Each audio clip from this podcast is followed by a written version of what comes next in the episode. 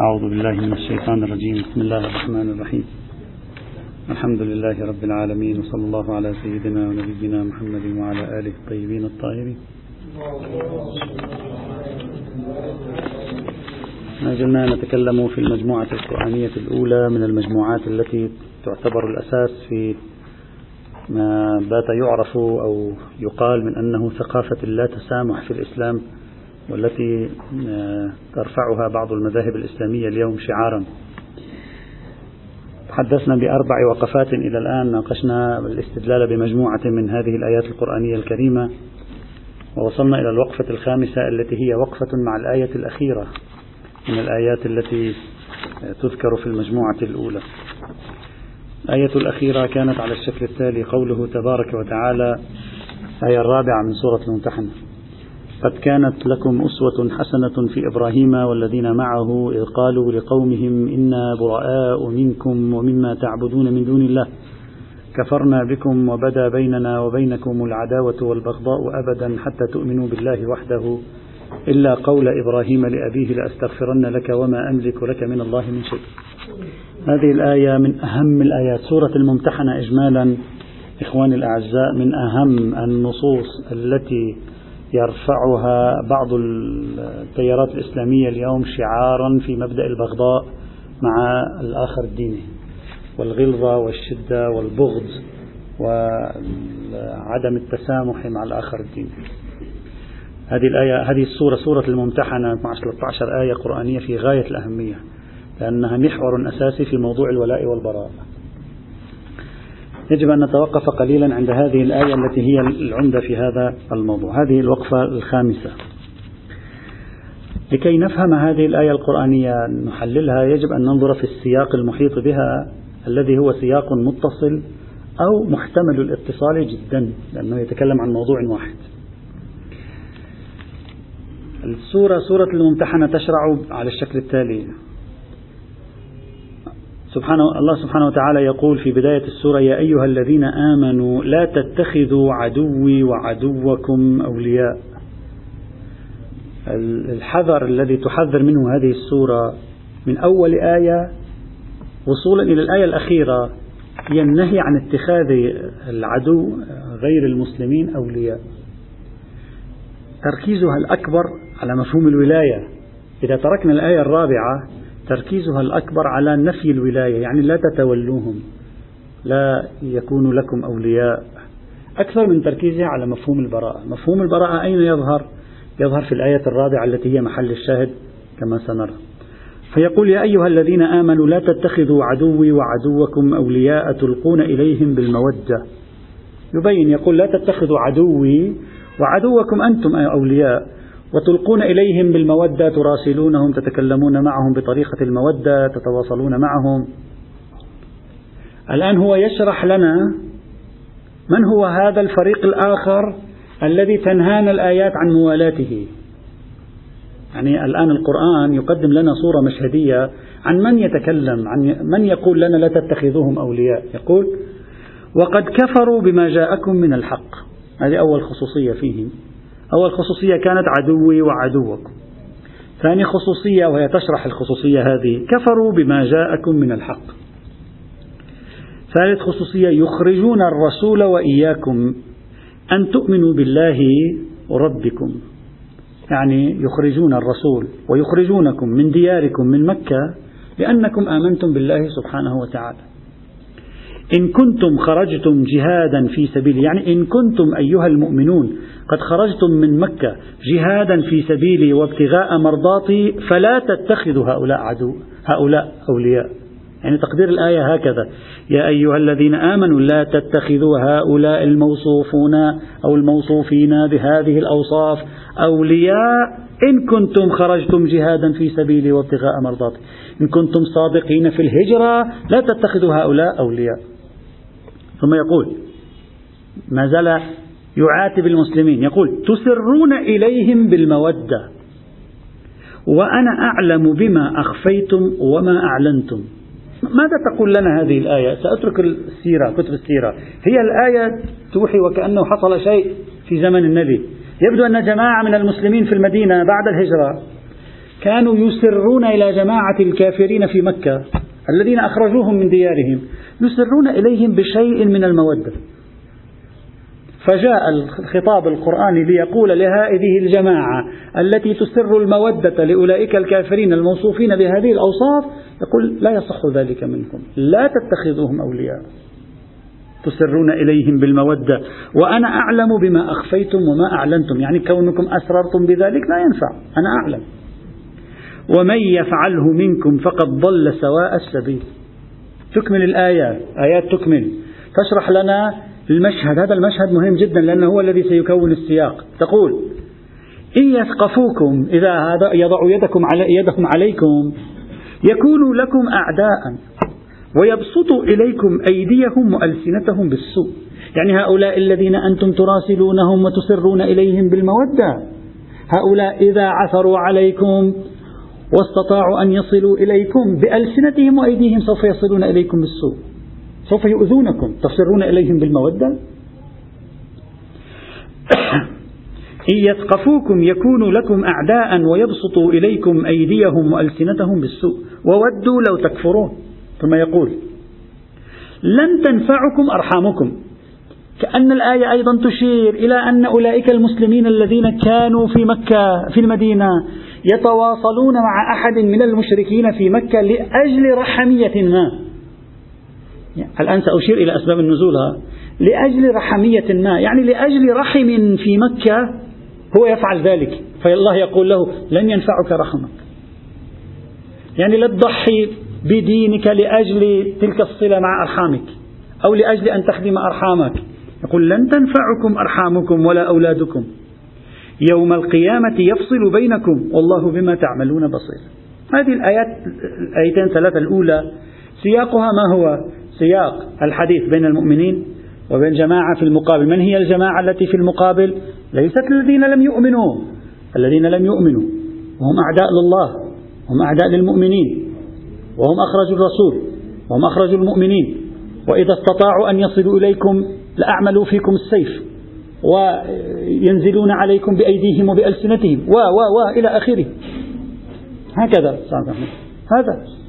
يعني ظاهر هذا السياق الموجود في هذه في مطلع هذه السورة القرآنية الكريمة هو هذا. ليس التعامل الآن عندما يريد قطع الولاية ليس التعامل بين المسلمين وبين مطلق غير المسلم بل تعامل بين المسلمين وبين مشهد خاص. لا يمكنني أن أتحرر من هذا السياق حتى الآن. روايات أسباب النزول أيضا تساعد على هذا الموضوع وروايات أسباب النزول في هذا الموضوع واردة عند السنة وعند الشيعة بالمناسبة. بإمكان الإخوة مراجعتها مثلا في مثل تفسير علي بن إبراهيم القمي في مثل آه، تفسير فرات الكوفي في آه، جامع البيان للطبري في مجمع البيان للطبرسي في التبيان للطوسي. مختلف الكتب أشارت إلى هذه الحادثة بصرف النظر أصلا ثابتة أو ليست ثابتة أتي بها للتأييد وإلا النص القرآني واضح في الإشارة إلى الحادثة. شخص من الصحابة اسمه حاطب بن أبي بلتعة. عنده أهله هذا هذا كان قبيل فتح مكة على ما جاء في الرواية. أهله يسكنون في في مكة. وتعرفون أن بعض أسر المسلمين بقيت في مكة إلى الفتح. أهله كانوا في مكة. هذا الرجل خاف على أهله. كان قلقا على وضع أهله. فراسل قريشا بأمر أن رسول الله صلى الله عليه وعلى آله وسلم يستعد لجيش للذهاب إلى مكة. هناك امرأة وضعت هذه الرسالة في شعرها وانطلقت بها. تقول الرواية نزل الوحي على رسول الله يخبره بأمر هذه الرسالة. فأرسل الزبير وعليا خلف تلك المرأة. فذهبا خلف تلك المرأة فسألاها فأنكرت ثم سألاها أكدا عليها أنكرت ذلك إلى أن هدداها. ففلتت ضفيرة شعرها ثم أخرجت الرسالة. فتبين أن الرسالة من حاطب إلى قريش فجاءوا إليه. قال أنا ما فعلت ذلك نفاقا أنا لست منافقا. إذا ليش فعلت ذلك؟ قال أنا شفت الوضع يعني بلغ خطورته قلت لعله قريش تهزم المسلمين أنا أهلي هناك أخاف عليهم أن ينزل بهم شيء إذا انتصر المشركون. أردت أن أرطب الأجواء معهم. إذا انتصر المسلمون انتصر المسلمون فبها ونعمت. نشكر الله. إذا انتصرت قريش فلي عليهم فضل. سوف يحفظوني في في أهلي. فأردت فقط خوفا على رحمي أن أفعل ذلك. وليس ذلك مني نفاقا. هذه الرواية بصرف النظر عن دقة هذه الرواية لأن هذا حاطب بن بلتعة في عدة قصص وفي عدة سنوات ينقلون عنه نفس الشيء أو شيء شبيه. كأننا صار أيقونة. كلما حدثت قصة أدخلوا اسمه فيها. لا أدري هل هو فعلا سواها عدة مرات؟ هل هو سواها مرة واحدة؟ لا يهمنا الآن. لكن طبيعة هذه القصة المنقولة في مصادر أسباب النزول. تنسجم مع تركيبة الآية. لن تنفعكم أرحامكم وتسرون إليهم بالمودة وإلى آخره ويخاطبهم بيا أيها الذين آمنوا ولا يقول يا أيها المنافقون كله يعزز أن القصة السيناريو الذي كتب حول قصة حاطب بن أبي بلتعة ممكن يكون صحيحا. لا, لا, لا أعرف صحيح ولا صحيح لا أعرف. المهم السيرة النبوية القرآنية أصدق من هذه الرواية على اتحاد وتكفينا مؤونتها. لا بأس. والآية القرآنية في مطلعها كما رأينا تؤكد هذا المشهد وتؤكد على ترك الولاية. يعني تريد أن تقول لا تتولوا هؤلاء وهؤلاء يعادونكم وتعرفون ماذا يفعلون بكم. وإذا أمكنهم أن يفعلوا بكم الشر سيفعلونه معكم في أي فرصة مناسبة. حتى آخر آية آخر آية في السورة ماذا تقول؟ تقول يا أيها الذين آمنوا الآية رقم 13 يا أيها الذين آمنوا لا تتولوا قوما غضب الله عليهم. يعني لا تتولوا هؤلاء القوم الذين غضب الله عليهم. هلا قد يقال عندما يصف الله سبحانه وتعالى بعض الأحيان شخص بالضلال ولا يصفه بالغضب يختلف عما يصفه بالغضب. فإن صفة الضلال قد تكون ولا يغضب الله منه. واحد يضل الطريق ولكن الله يعذره لا يغضب منه. كونه مستضعفا لا يعرف. ولكن المغضوب عليه يعني رجل يعلم ويعاند وارتكب ذلك عن علم وعمد فيستحق صفة الغضب. ومن هنا بعضهم يقول لعل هذا هو الفرق بين في قوله تبارك وتعالى في آخر سورة الفاتحة يقول غير المغضوب عليهم ولا الضالين. فميز بين المغضوب عليهم وبين الضالين. فإن الذين أنعمت عليهم صراط الذين أنعمت عليهم هؤلاء الذين أنعمت عليهم لا هم بالمغضوب عليهم لأنهم ليس عندهم سلوك أخلاقي سيء ولا هم بالضالين ولو اشتباها. فأهدنا صراطهم. فكأنما الضال لا يساوي دائما مفهوم المغضوب عليه. على أي حال بعضهم يقول ذلك. فإذا يقول أيضا في آخر السورة يتطابق مع أول السورة في عدم التولي. يعني هذه هي رسالة السورة في أولها وفي آخرها. ترك التولي. لمن؟ لقوم هذه صفتهم. هذا السياق. ثم, ثم تقول الآية. بعد اترك آخر السورة نرجع إلى أول السورة. ثم تقول قد كان لكم أسوة حسنة في إبراهيم. يجي الشاهد الآن. يقول كان لكم أسوة حسنة في إبراهيم. أنتم تتولون هؤلاء القوم ولكم أسوة حسنة في إبراهيم. ماذا فعل إبراهيم وقومه والذين معه؟ إذ قالوا لقومهم إنا براء منكم ومما تعبدون من دون الله كفرنا. إلى آخر الآية التي قرأناها قبل قليل. ثم يقول لقد كان لكم فيهم أسوة حسنة لمن كان يرجو الله واليوم الآخر وما يتولى فإن الله هو الغني الحميد. إذا أردنا أن نقارب المشهدين مشهد المشهد النبوي يعني في عصر النبي مع المشهد الإبراهيمي. والمشهد الإبراهيمي أيضا نحن نعرف أن قوم إبراهيم كانوا كقوم رسول الله صلى الله عليه وآله وسلم ينصبون العداء ويحاربونهم. وقصة الإحراق معروفة. يعني بلغ من قوم إبراهيم مبلغا أن أرادوا أن يحرقوا النبي. بس هذه ربما ما بلغت في رسول الله صلى الله عليه وآله وسلم. الرسول كانوا يريدون يقتلوه. ما كانوا يريدون إحراقه. إبراهيم كان كان يراد أن يحرقوه أيضا. إذا رأينا القرآن الكريم كيف يصف لنا قوم إبراهيم من جهة ويصف لنا قوم آه، رسول الله صلى الله عليه وآله وسلم من جهة. نجد أن هذه الصفات مشتركة وهي الصفات العدوانية للرسالة كما تؤكدها مطلع السورة وخاتمة هذه السورة القرآنية الكريمة. ثم تقول الآن انتهينا من الآية محل الشاهد. نكمل السياق. لاحظ الآية التي تلي محل الشاهد. سترى أن السياق سيستمر. يقول عسى الله أن يجعل بينكم وبين الذين عاديتم منهم مودة. ربما الله سبحانه وتعالى يجعل بينكم وبين أولئك الذين عاديتم من من أهل مكة مودة. والله قدير والله غفور رحيم. ثم يقول الآن لاحظ معي لا ينهاكم الله عن الذين لم يقاتلوكم في الدين ولم يخرجوكم من دياركم أن تبروهم وتقسطوا إليهم في نفس السياق إما معلوم الاتصال أو محتمل الاتصال هذا السياق. واحتمال الاتصال فيه قوي بقرينة كل تركيبة الآية السورة القرآنية الكريمة. نجد أن القرآن رغم كل هذا الذي قاله في مطلع السورة وفي قصة إبراهيم وبين وبدا بيننا وبينكم العداوة والبغضاء في نفس السورة هو يقول ترى التفتوا. أنا لا أقصد أن أنهاكم عن أولئك الذين لم يقاتلوكم. أنا إنما نهيتكم عن أولئك الذين قاتلوكم. يعني السورة تحفر الطرف الآخر بشكل جيد. يقول الطرف الآخر الذي نتكلم عنه هنا ليس ذاك الطرف الذي هو لا يقاتلكم. الطرف الآخر الذي أتكلم عنه هنا هو الطرف الذي يقاتلكم. لذلك استدرك فقال لا ينهاكم الله عن الذين لم يقاتلوكم في الدين ولم يخرجوكم من دياركم. لا ينهاكم ماذا؟ أن تبروهم وتقسطوا إليهم. بينما في الآية محل الشاهد قال وبدا بيننا وبينكم العداوة والبغضاء أبدا حتى تؤمنوا بالله وحده. إذا كان العداوة والبغضاء هي الأصل حسب ما تقرر الآية المتصلة بسورة بقصة إبراهيم عليه السلام. فكيف يقول لنا في نفس السياق بعد أن قال لقد كان لكم أسوة حسنة في إبراهيم والذين معه والمفروض أن إبراهيم والذين معه قالوا بدا بيننا وبينكم العداوة والبغضاء في بغض وعداوة فيما بين وبينكم. ثم يقول هنا برهم أقسطوا إليهم أقسطوا إليهم لا بأس عدالة. لكن البر الإحسان العطاء التفضل إنما ينهاكم الله عن الذين قاتلوكم في الدين. يكرر نفس الفكرة التي قالها في السورة في الآية الأولى. وأخرجوكم من دياركم وظاهروا على إخراجكم أن تولوهم. ومن يتولهم فإن فأولئك هم الظالمون. ما الذي أريد أن, أن أؤكده في هذه الآية القرآنية محل الشاهد؟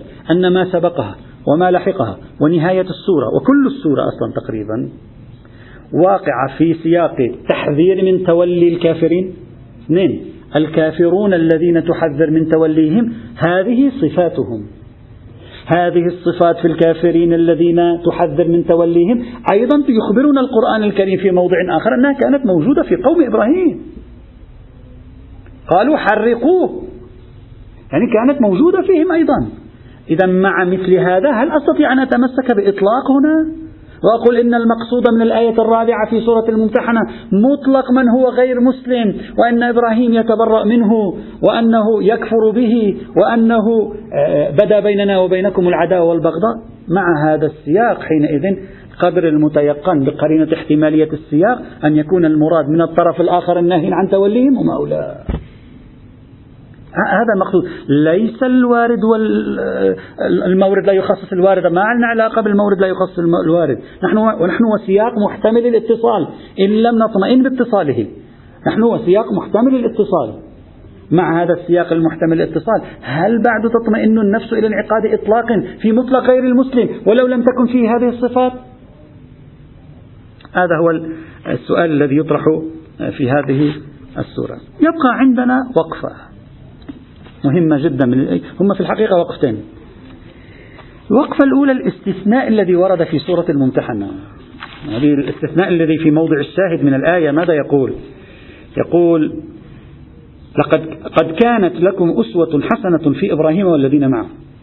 إذ قالوا لقومهم إنا براء منكم ومما تعبدون من دون الله كفرنا بكم وبدا بيننا وبينكم العداوة والبغضاء أبدا حتى تؤمنوا بالله وحده إلا قول إبراهيم لأبيه لأستغفرن لك. هذا الاستثناء استثناء من ماذا؟ نريد أن نحلل هذا الاستثناء من ماذا؟ جمهور المفسرين لما تناولوا هذا الاستثناء قالوا قد كانت لكم أسوة حسنة في إبراهيم إلا قول إبراهيم لأبيه فليس بأسوة. جمهور المفسرين لما تناولوا هذه الآية القرآنية الكريمة هكذا تلقوها. قالوا الله يقول لكم أسوة في إبراهيم في براءته من قومه لكن ليس لكم أسوة في إبراهيم في الاستغفار لأبيه. يعني كأنما يقول إبراهيم ليس أسوة لكم في ذلك. إلا قول إبراهيم لأبيه لأستغفرن لك وما أملك, أملك لك من الله من شيء. نعم هذا هذا التفسير. هذه المقاربة للاستثناء. اعتبروه استثناء متصلا وأرجعوا المتصل به إلى مطلع الآية. يعني قالوا الله جعل لكم إبراهيم أسوة إلا في هذه إبراهيم ليس أسوة لكم. هل لماذا ليس في هذه؟ لأن إبراهيم استغفاره لأبيه مسألة خاصة. مسألة خاصة عن موعدة وعدها. يتكلمنا عن موضوع الموعدة التي وعدها إياه. مسألة خاصة لا علاقة لها بالموضوع. وبالتالي إذا كان تفسير الآية هكذا يؤكد هذا المفهوم مبدأ اللا تسامح ومبدأ البغضاء الذي يؤكد عليه بعض المسلمين اليوم. لماذا؟ لأنه يقول لك إبراهيم ليس لكم فيه من أسوة إلا أسوة البراءة والبغضاء للذين كفروا وحتى ذلك الشق البسيط من إبراهيم الذي فيه جنبة استغفار لوالده هذا ليس لكم أسوة به ولذلك السلفيون اليوم ينتصرون بهذا الاستثناء ليؤكدوا فكرة أصالة البغضاء في العلاقة مع غير المسلم. أصالة الغلظة والشدة في العلاقة مع غير المسلم. أصالة اللا تسامح في العلاقة مع غير المسلم. يعني هذا الاستثناء مهم. يعني إصرار القرآن على أن يستثني حتى هذه الحالة الجزئية اللي هي مجرد تفصيل بسيط تسامحي من إبراهيم تجاه أبيه إصراره على استثنائه معناه أنه يريد أن يؤكد البغضاء. وإلا لا معنى لأن يستثني. مسألة تفصيلية جزئية. إذا إذا هذه تستحق الوقوف عندها، إذا إلى ما يرجع هذا الاستثناء؟ هل يرجع إلى هذا التفسير الذي يكرس أصالة البغضاء في العلاقة مع الآخر الديني أو لا؟ يمكن أن نتوقف قليلا بالنقد مع هذا التفسير لسببين. السبب الأول هذا الاستثناء من الممكن أن يكون من جملة ما إبراهيم هو أسوة لنا فيه يعني يبقى الاستثناء متصلا يعني بإمكاننا أن نبقي الاستثناء متصلا. ومع ذلك ندخل الاستثناء فيما هو قدوة لنا. وذلك نقرأ الآية هكذا.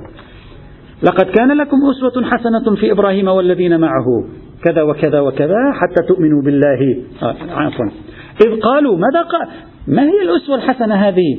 ما هي الصورة المشهدية؟ ما هو هذا المشهد الذي حصل مع إبراهيم والذين معه؟ وهكذا صورتهم تبرأوا من قومهم تبرأوا مما يعبدون بدا بينهم وبين قومهم العداوة والبغضاء واستغفار إبراهيم. يعني بدا بينهم وبينهم العداوة والبغضاء إلا استغفار إبراهيم لأبيه.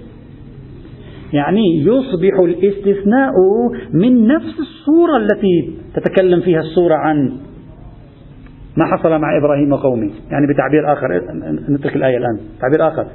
إبراهيم كان لكم فيه أسوة حسنة. كيف؟ فإنه قد تبرأ هو ومن معه من قومه لكنه لم يتبرأ من والده فاستغفر له. المجموع هو هذا قدوة حسنة. المجموع لنا فيه أسوة حسنة. إذا كان هذا الاحتمال في الاستثناء معقولا يعني وبدأ كفرنا بكم وبدأ بيننا وبينكم العداوة إلا حالة إبراهيم مع أبيه. إذا كان كذلك نقول نرجع إلى ما قلناه في يوم الأربعاء الماضي حيث قلنا بأن حالة إبراهيم مع أبيه لم تكن حالة البراءة منه إلا بعد أن علم بأنه عدو لله. يعني مفهوم العداوة كان موجودا. إذا كان الأمر كذلك تصبح الآية هي بحد نفسها ناقضة لدليل السلف هنا. لماذا؟ لأن يصبح معنى الآية هكذا وسياقها معنا. يصبح معنى الآية هكذا لقد كان لكم في إبراهيم والذين معه. كان لكم فيهم أسوة حسنة فإنهم تبرأوا من أعداء الله وأعدائهم وإنهم لم وإنهم كانوا متسامحين مع قبل أن يعرفوا ببراءة بعداوة آه، والد إبراهيم. فإذا كان كذلك هذه ليست بنفع المستدل هذه على نقيض المستدل. تصبح حينئذ. إذا أرجعنا إلا إلى نفس الصورة المتصلة لم نرجع إلا إلى أول الآية القرآنية الكريمة. يصبح هذا بالنفع الذي يريد أن ينتقد أصالة البغضاء. لا, لا, لا بضرره كما صور المستدل أو الطرف الآخر هنا. هذا وجه هذا وجه والوجه الآخر. إن هذه الآية القرآنية الكريمة تحكي عن قصة إبراهيم. وقصة إبراهيم قد رأيناها في آيات أخرى ولما قرأناها في آيات أخرى توصلنا فيها إلى التمييز بين مفهوم غير الإسلام ومفهوم العداوة. فتكون تلك الآيات الأخرى شارحة للقصة هنا. هي التي تشرح لنا القصة لا أن هذه القصة تشرح تلك الآيات. وبالتالي ما توصلنا إليه يوم الأربعاء الماضي يكون هو الحاكم على تفسير المشهد هنا وليس العكس. يعني لا أستطيع أن أجعل الآية هنا هي التي تحدد لي الموقف هناك. وحيث إننا هنا قلنا بأنه الآيات لا تدل على أصالة البغضاء وأصالة الغلظة وما شابه ذلك فتكون هذه الآية تابعة لها في هذا الإطار. لا ينتابني شك في أن السياق الذي وقعت فيه هذه الآية مع هذه التركيبة خاص بصورة غير المسلمين من الذين اعتدوا على على الله ورسوله والمؤمنين لكن يبقى شيء واحد يجب التوقف عنده هنا وهو أن الآية عندما شرحت موقف إبراهيم والذين معه قالت وبدا بيننا وبينكم العداوة والبغضاء أبدا حتى تؤمنوا بالله وحده. ولم يقل وبدا بيننا وبينكم العداوة والبغضاء أبدا حتى تقلعوا عن عداوتكم. وهذه ستشكل مشكلة بالنسبة إلى النتيجة التي توصلنا إليها إلى الآن. يعني سوف تسبب إرباكا حقيقيا لهذا الاستنتاج الذي توصل. إذا كان المعيار معيار مفهوم العداوة كما يعطيه السياق السابق واللاحق وكان المعيار معيار مفهوم العداوة كما استنتجناه من قصة إبراهيم بتركيب سورة الشعراء وسورة مريم وغيرها مع بعض. إذا كان الأمر كذلك فلماذا كان الاست... كانت الغاية حتى تؤمنوا بالله وحده؟ ولم تكن الغاية حتى تقلعوا عن عدوانكم علينا؟ هذا سؤال في محله سيكون حينئذ يعني نحن نشكله على أنفسنا. سيكون إشكالا في محله. هذا الإشكال يذكرنا بمقطع شبيه له في القرآن الكريم. سبق أن أشرنا إليه عندما تكلمنا عن مبدأ الحرب ومبدأ السلم مبدأ الحرابة ومبدأ السلم. وهو عبارة عن الآية الخامسة من سورة التوبة. في الآية الخامسة من سورة التوبة بعد أن أمرت الآيات المسلمين بأن يعني يقطع العهد مع الكافرين وتبدأ الحرب معهم. ماذا قالت؟ قالت فإذا انسلخ الأشهر الحرم فاقتلوا المشركين حيث وجدتموهم وخذوهم واحصروهم واقعدوا لهم كل مرصد. ما قال فإن توقفوا عن عدوانهم فكفوا عنهم. قال فإن تابوا وأقاموا الصلاة وآتوا الزكاة فخلوا سبيلهم. إن الله غفور رحيم. الآيتين تتشابهان فيما بينهما. هذه الآية هنا تقول بدا بيننا وبينكم العداوة والبغضاء حتى تؤمنوا. تلك الآية تقول إذا انسلخ الأشهر الحرم خذوهم واقتلوهم حتى يؤمنوا أيضا وحتى يتوبوا. لا في هذه الآية ولا في تلك الآية الغاية هي حتى يرفعوا يدهم عن العدوان. فتتشابه الآيتان في هذه الإشكالية التي نحن بصددها هنا. بله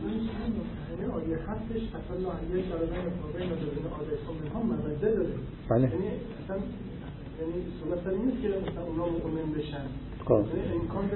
نعم. أنا لم أتوقف عند هذه لأنني لا أعرف عسى أن يجعل بينكم وبين الذين عاديتم منهم مودة كيف يجعلها.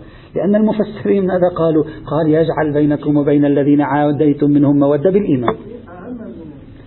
لا توجد أعمية هنا لأنها جملة خبرية ليس ليس ليس هناك إطلاق. يقول عسى أن يجعل بينكم مودة. أما ما هي المودة التي يريد أن يجعلها مسكوت فلذلك أنا لم أستفد لم أستفد من هذه الآية في هذا الموضوع. لأنهم سيقولون لك من قال لك حقهم. من قال لك أن المودة التي سيجعلها حال كونهم غير مسلمين. والمودة التي سيجعلها بعد أن يصبحوا مؤمنين. إذا فتح الاحتمال لا نستطيع حينئذ أن نقول شيئا. لا ينهاكم الله؟ ينفع. أنا أريد أن أقول ذاك الاستثناء ينفعنا لا هذه الآية. نعم ذاك الاستثناء سينفعني حينئذ في هذه الآية ممكن. لا بأس حينئذ. طيب الفرق بقى هذا يذكرنا إذا بين بين تلك الآية وبين هذه الآية القرآنية الكريمة. وبالتالي ماذا نستنتج من هذين الأمرين؟ خليك معي خذ معي هذه الفرضية وبإمكانك أن تقبلها أو لا تقبلها. النص القرآني في الآيتين معا ماذا يقول؟ يقول إذا عندي واحد اعتدى علينا وواحد هجم على المسلمين وواحد معتد على الله ورسوله فالحل معه أن نحاربه حتى يؤمن. هذا لا تدل على أن الأصل في العلاقة مع الكافر أن, أن نحاربه حتى يؤمن. ليش؟ لأن من الممكن يكون هذا الضرب من العقاب. يعني بمعنى الذي يعتدي علينا عقابه عقابه أن نقاتله حتى نخضعه أو يؤمن. هذا البحث سوف يأتي معنا إن شاء الله عندما نتكلم عن آية الجزية عن مبدأ الزمام. ليش مفهوم الصغار؟ أنها مفهوم الصغار ما نكتته مفهوم, مفهوم الصغار الوارد في آية الجزية. سنأتي نتكلم عنه هناك إن شاء الله تعالى. بمعنى من لم يعتدي علينا؟ لا شيء بيننا وبينه لا ينهاكم الله عن الذين لم يقاتلوكم. بينما الذي اعتدى علينا موقفنا تجاهه أن نحاربه. الأصل معه العداوة والبغضاء. الأصل معه الشدة والغلظة. القتال والسيف. إلى إلى أن يؤمن. طيب ليش مش إلى أن يرفع يده؟ لأنه اعتدى وجزاء اعتدائه أن يبقى يقاتل إلى أن يؤمن أو يخضع فتكون فيكون الاستفادة حينئذ من الآية التي نحن فيها ومن آية سورة التوبة أخص من المدعى. يعني ما دام فسرنا الآية التي نحن فيها بأنها تتكلم عن قوم معتدين على الرسالة إذا تكون الحكم مع قوم معتدين على الرسالة هو مواجهتهم إلى أن بقاء البغضاء بيننا وبينهم. مواجهتهم ومقاتلتهم إلى أن يؤمنوا بالله وحده. أما إذا كان هؤلاء من الأصل لم يقاتلونا. وهذا لا تشمله الآية حينئذ. يعني مفروض الآيتين قوم سبقونا سبقوا إلى قتالنا. سبقوا إلى ابتدائنا بالقتال. نعم هؤلاء لا نهاية للحرب بيننا وبينهم إلا أن نخضعهم أو يؤمنوا. لا نهاية للعداوة والبغضاء بيننا وبينهم إلا أن يؤمنوا. نعم لا بأس. لكن هذا لا يدل على أن مطلق كافر حتى لو لم يبدأنا بقتال الأصل بيننا وبينه العداوة والبغضاء. لا يدل. أخص من المدعى. قد تقول لي تشكل علي مرة أخرى. تقول لي شيخنا ماذا, ماذا جرى؟ إذ بك سحبت يدك عما قلته في بحث أصالة الحرابة وأصالة السلم. ما هو؟ هناك قلنا بأن الآيات القرآنية الصريحة فإذا اعتزلوكم فلم يقاتلوكم وألقوا إليكم السلام فما جعل الله لكم عليهم سبيلا. تلك الآيات تقول بأنه يرفع سلطانكم عليهم بمجرد وقف اعتدائهم. بينما الآية من سورة التوبة والآية من سورة الممتحنة تقول لا يوقف الموقف الحربي بيننا وبينهم إلا أن يؤمنوا. فعلى التفسير الذي أنت تقوله يلزم أن يقع تناقض بين تلك الآيات التي رفعت يدنا وسلطاننا عن مقاتلتهم إذا رفعوا يدهم عن مقاتلتنا وبين الآية التي في سورة التوبة التي تقول بأننا لا نرفع اليد عن مقاتلتهم إلا أن يتوبوا. ولازم تكون حينئذ في ضرب من التناقض في هذا المورد. الجواب أيضا قلناه في بحث الحرابة أشرنا إليه ضمنا وهو إن نفس سورة التوبة مطلع سورة التوبة كما شرحنا ذلك بالتفصيل إذا الإخوة يتذكرون تؤكد أن هؤلاء القوم القضية الخارجية هؤلاء القوم الذين أقول لكم فإذا انسلخ الأشهر الحرم فاقتلوه هؤلاء لا يرقبون في مؤمن إلا ولا ذمة. هؤلاء إذا عاهدتموهم سيقاتل سيغدرون بكم. يعني هؤلاء حتى لو عاهدوا هم عدوانيون. يعني القرآن يخبرني أنه معاد. ولذلك لا نرفع اليد عن حربه حتى لو رفع اليد عن حربنا. لماذا؟ لأن رفعه اليد عن حربنا نفس الآيات في مطلع سورة التوبة. هو يخبرني أنه رفع شكلي إيهامي ولا في الحقيقة هو لا يرفع اليد. لأنه لا يرقبهم فيكم إلا ولا ذمة. وسيبقون يقاتلونكم وسيبقون يؤذونكم وسيبقون كذا وكذا. فلأجل هذه الخصوصية لم يقل في آيات سورة التوبة إلا أن يرفعوا اليد عن المقاتلة لأنهم لن يرفعوا اليد عن المقاتلة حتى لو أوهموكم أن هناك عهد. بينما في آيات أخرى قال إذا اعتزلوكم فلم يقاتلوكم لا بأس.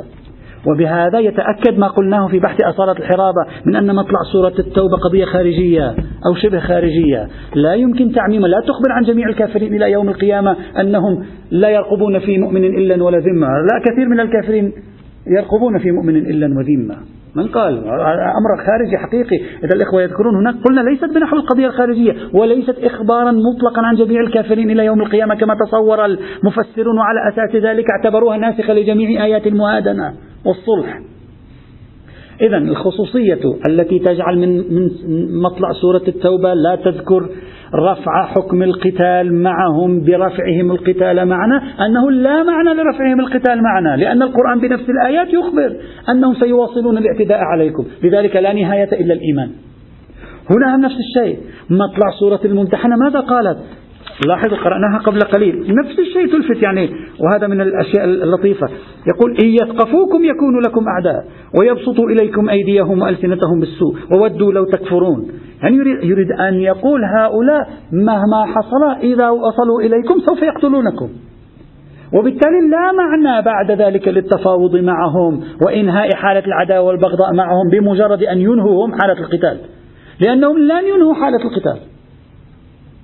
لذلك تكون النتيجة هي فقط الإيمان بالله سبحانه وتعالى. فتفسير حتى يؤمنوا, بالله وحده يكون هذا مرجعه. ما قلنا ما قلنا ما قلنا السياق هو الذي يفرض علي تفسير قصة إبراهيم. معنى كل قلت السياق الذي في سورة الممتحنة هو الذي يفرض نفسه على تفسير قصة إبراهيم. لا قصة إبراهيم تؤخذ كمطلقة وتفرض نفسها على السياق. ما هو السياق ماذا يقول؟ السياق يكلمني عن جماعة في الطرف الآخر يتصفون بسلسلة من الصفات وقد رأينا أن هذه الصفات عمدتها العداوة موجود في قوم إبراهيم. فإذا القدر المتيقن من الدلالة هو هذه. إذا كان هذا القدر المتيقن يمكن أن أفهم حينئذ قوله تعالى حتى تؤمنوا بالله وحده ضمن السياق. يعني السياق هو الذي أريده أن يقيد. لا نفس السطرين اللي في قصة إبراهيم. لا, لا يقيدون شيئا هنا. هذا مضافا. يكفيني أن يكون هذه الآيات قد نزلت محتملة الاتصال يعني وحدة النزول فيها موجودة حتى تكون قرينيتها المتصلة موجبة للأخذ بالقدر المتيقن من المقطع موجود الشاهد. ما هو القدر المتيقن؟ اتصافه بعدم الإسلام عدم الإيمان إلى جانب العداوة أنه عدو لله. يعني التركيب سوف تكون نتيجته هكذا. أضف إلى ذلك احتمال لا بأس هذا الاحتمال من باب المشاكسة. فكروا فيه. أن أن جملة وبدا بيننا وبينكم العداوة والبغضاء هل هي إعلان موقف أو إخبار؟ نحن الآن ماذا فهمنا جملة وبدا بيننا وبينكم العداوة والبغضاء فهمناها هكذا يعني أن قوم إبراهيم يقو... المؤمنين مع إبراهيم يقولون يا قومنا نحن كفرنا بما تعبدون كفرنا بكم نحن بريئون منكم نحن سنعاديكم ونبغضكم حتى تؤمنوا بالله وحده مش هكذا فهمناها؟ يعني حتى الآن هكذا المنسبق إلى أذهاننا كأنهم عندما قالوا وبدا بيننا يعني وسيبقى بيننا العداوة والبغضاء حتى تؤمنوا بالله وحده. يعني يعلنون فعل العداوة والبغضاء تجاههم إلى أن يؤمنوا بالله وحده. ممكن شخص يشاكس ويقول لا الآية لي هذا هذا السطر ليس إعلان لموقف. هذا السطر إخبار عن الحالة التي هم فيها. وهذا الإخبار هو هو الذي أريده هنا. ماذا يقول؟ يقول ترى نحن جماعة لن ترتفع حالة العداوة والبغضاء بيننا وبينكم إلا إذا آمنتم. هذا أعم. من أن يكون مطلوب مني العداوة والبغضاء لكم إلى أن تؤمنوا. ومن أن يكون حالكم حال قوم لا يرفعون يدهم عن العداوة والبغضاء إلى أن تؤمنوا. أعيد. الآية بالصدد التركيب جملة إخبارية تقول نحن متبرئون منكم. هذا إعلان. الإعلان الثاني كفرنا بكم وبما تعبدون من دون الله. وهذا إعلان ثاني. الإعلان الثالث بيننا وبينكم بدت العداوة والبغضاء إلى أن تؤمنوا. أبدا لا أبدا ليس إلى يوم القيامة. هم كلهم ماتوا. ليس كلمة أبدا في اللغة العربية لا تعني اللانهاية أبدا يعني إلى أن نحن أحياء مقدرة يتكلمون عن قضية خارجية لا يتكلمون عن المطلق. لا أتكلم عن عن المتأسى به أولا خلينا نحدد المتأسى به بعدين نأخذ الإطلاق الأسوة. الإطلاق الأسوة ليس عندي مشكلة فيه. قالوا لهم لا يوجد بيننا وبينكم أي مجال لل إلا العداوة والبغضاء أبدا حتى تؤمنوا بالله وحده. تحتمل هذه الجملة هكذا أنه يريد أن يقول ترى يا جماعة يا قومنا بيننا وبينكم ليس إلا السيف. شيل كلمة العداوة والبغضاء. خلي كلمة السيف. بيننا وبينكم العداوة والبغضاء إلى أن تؤمنوا. وهذه جملة إخبارية تصف حال علاقتهم فيما بينهم. هذه حال علاقتهم فيما بينهم أعم من أن أنها تريد أن تقول نحن مكلفون شرعا بمعاداتكم وبغضكم أبدا إلى أن تؤمنوا. هذا احتمال. وفي احتمال ثاني منسجم مع السياق ومع المعنى الذي فسرت أنا به الآية وهو يا جماعة أنتم نوع قوم لن ترفعوا يدكم عن العداوة والبغضاء تجاهنا إلا أن تدخلوا في الإيمان. وبالتالي لما لا ترفعوا يدكم عن العداوة والبغضاء تجاهنا إلا أن تدخلوا في الإيمان فنحن إذا وظيفتنا العداوة والبغضاء لكم. يعني المفروض أنتم آه، سلوككم تجاهنا هو العداوة والبغضاء. فإذا وبدا بيننا وبينكم العداوة والبغضاء حتى تؤمنوا بالله وحده. فتكون هذه الجملة ليست إعلان سلوك. وإنما إخبار عن الحالة. أما لا تفسر منشأ هذه الحالة. هل هو تكليف إلهي بوجوب العداوة والبغضاء لهم مطلقا؟ أو هو كونهم يعادونهم أبدا فنحن نعاديهم أبدا حتى يؤمنوا بالله وحده؟ إذا شخص أراد أن يشاكس يقبل بهذه الإشكالية أصلا هذا المقطع من الآية القرآنية لن يكون في نفع المستدل إطلاقا. والسياق يساعدنا.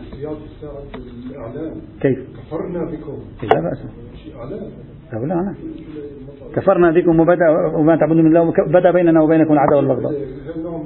نعم يعني أنا أنا الآن أنا الآن أشرح لك الفكرة، أنت الآن مثلا تعرف أن هؤلاء القوم لن يقلعوا عن غيهم وعدوانهم على الحالة الإسلامية، فتقول بيننا وبينكم السيف إلى أن تدخلوا في الإسلام. لماذا؟ لأنكم لن ترفعوا اليد لن ترفعوا بغضاءكم وعداوتكم إلا أن تؤمنوا.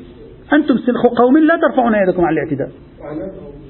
هو إعلان لكن إعلان لم يعد بنفع المستدل.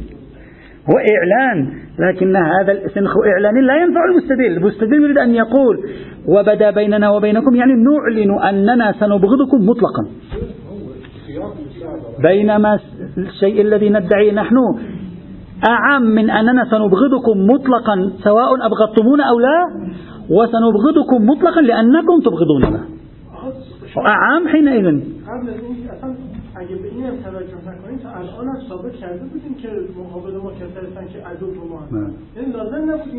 لا لأن هذه لأن هاتين هذين الفقرتين يعني فقره إلا قول إبراهيم لأبيه لأستغفرن لك وفقرة حتى تؤمنوا بالله وحده. يمكن أن تصلح بل صلحت بل هكذا استفاد منها المستدل في أنها تدل على أن المطلوب هو إعلان حالة العداوة والبغضاء تجاه الأصل تجاه مطلق الكافر حتى يؤمن بالله سبحانه وتعالى.